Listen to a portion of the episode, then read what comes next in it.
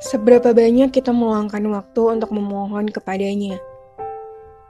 Seberapa banyak doa khusyuk yang kita pinta padanya?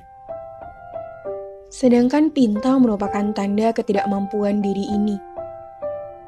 Sebuah bukti bahwa kita adalah hambanya yang tak punya kuasa apa-apa.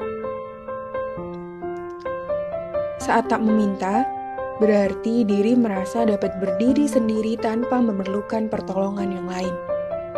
Padahal ketahuilah, manusia tak akan mampu dan tak akan pernah mampu berbuat apa-apa, karena segala sesuatu terjadi atas kuasanya. Maka benar, begitu besarnya kesombongan kita yang tak mau meluangkan waktu untuk meminta belas kasih pertolongannya yang hanya meluangkan waktu untuk berbahasa basi tanpa penuh perhatian akan apa yang dipinta. Yang hanya meluangkan waktu untuk meminta tanpa hati yang khusyuk akan doa-doa yang diucap. Yang hanya menuntut akan doa-doa yang tak kunjung diijabah. Dan Robmu berfirman, Berdoalah kepadaku. Niscaya akan kuperkenankan bagimu. Sesungguhnya orang-orang yang menyombongkan diri dari menyembahku akan masuk neraka jahanam dalam keadaan hina dina.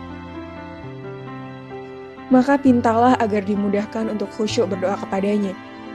Pintalah padanya agar kita menjadi diri yang senantiasa bergantung padanya dan tak pernah merasa sedikit pun mampu berdiri sendiri. Agar diri tak pernah merasa lebih besar dibanding kemahakuasaannya dan sadar akan rendahnya diri ini di hadapannya.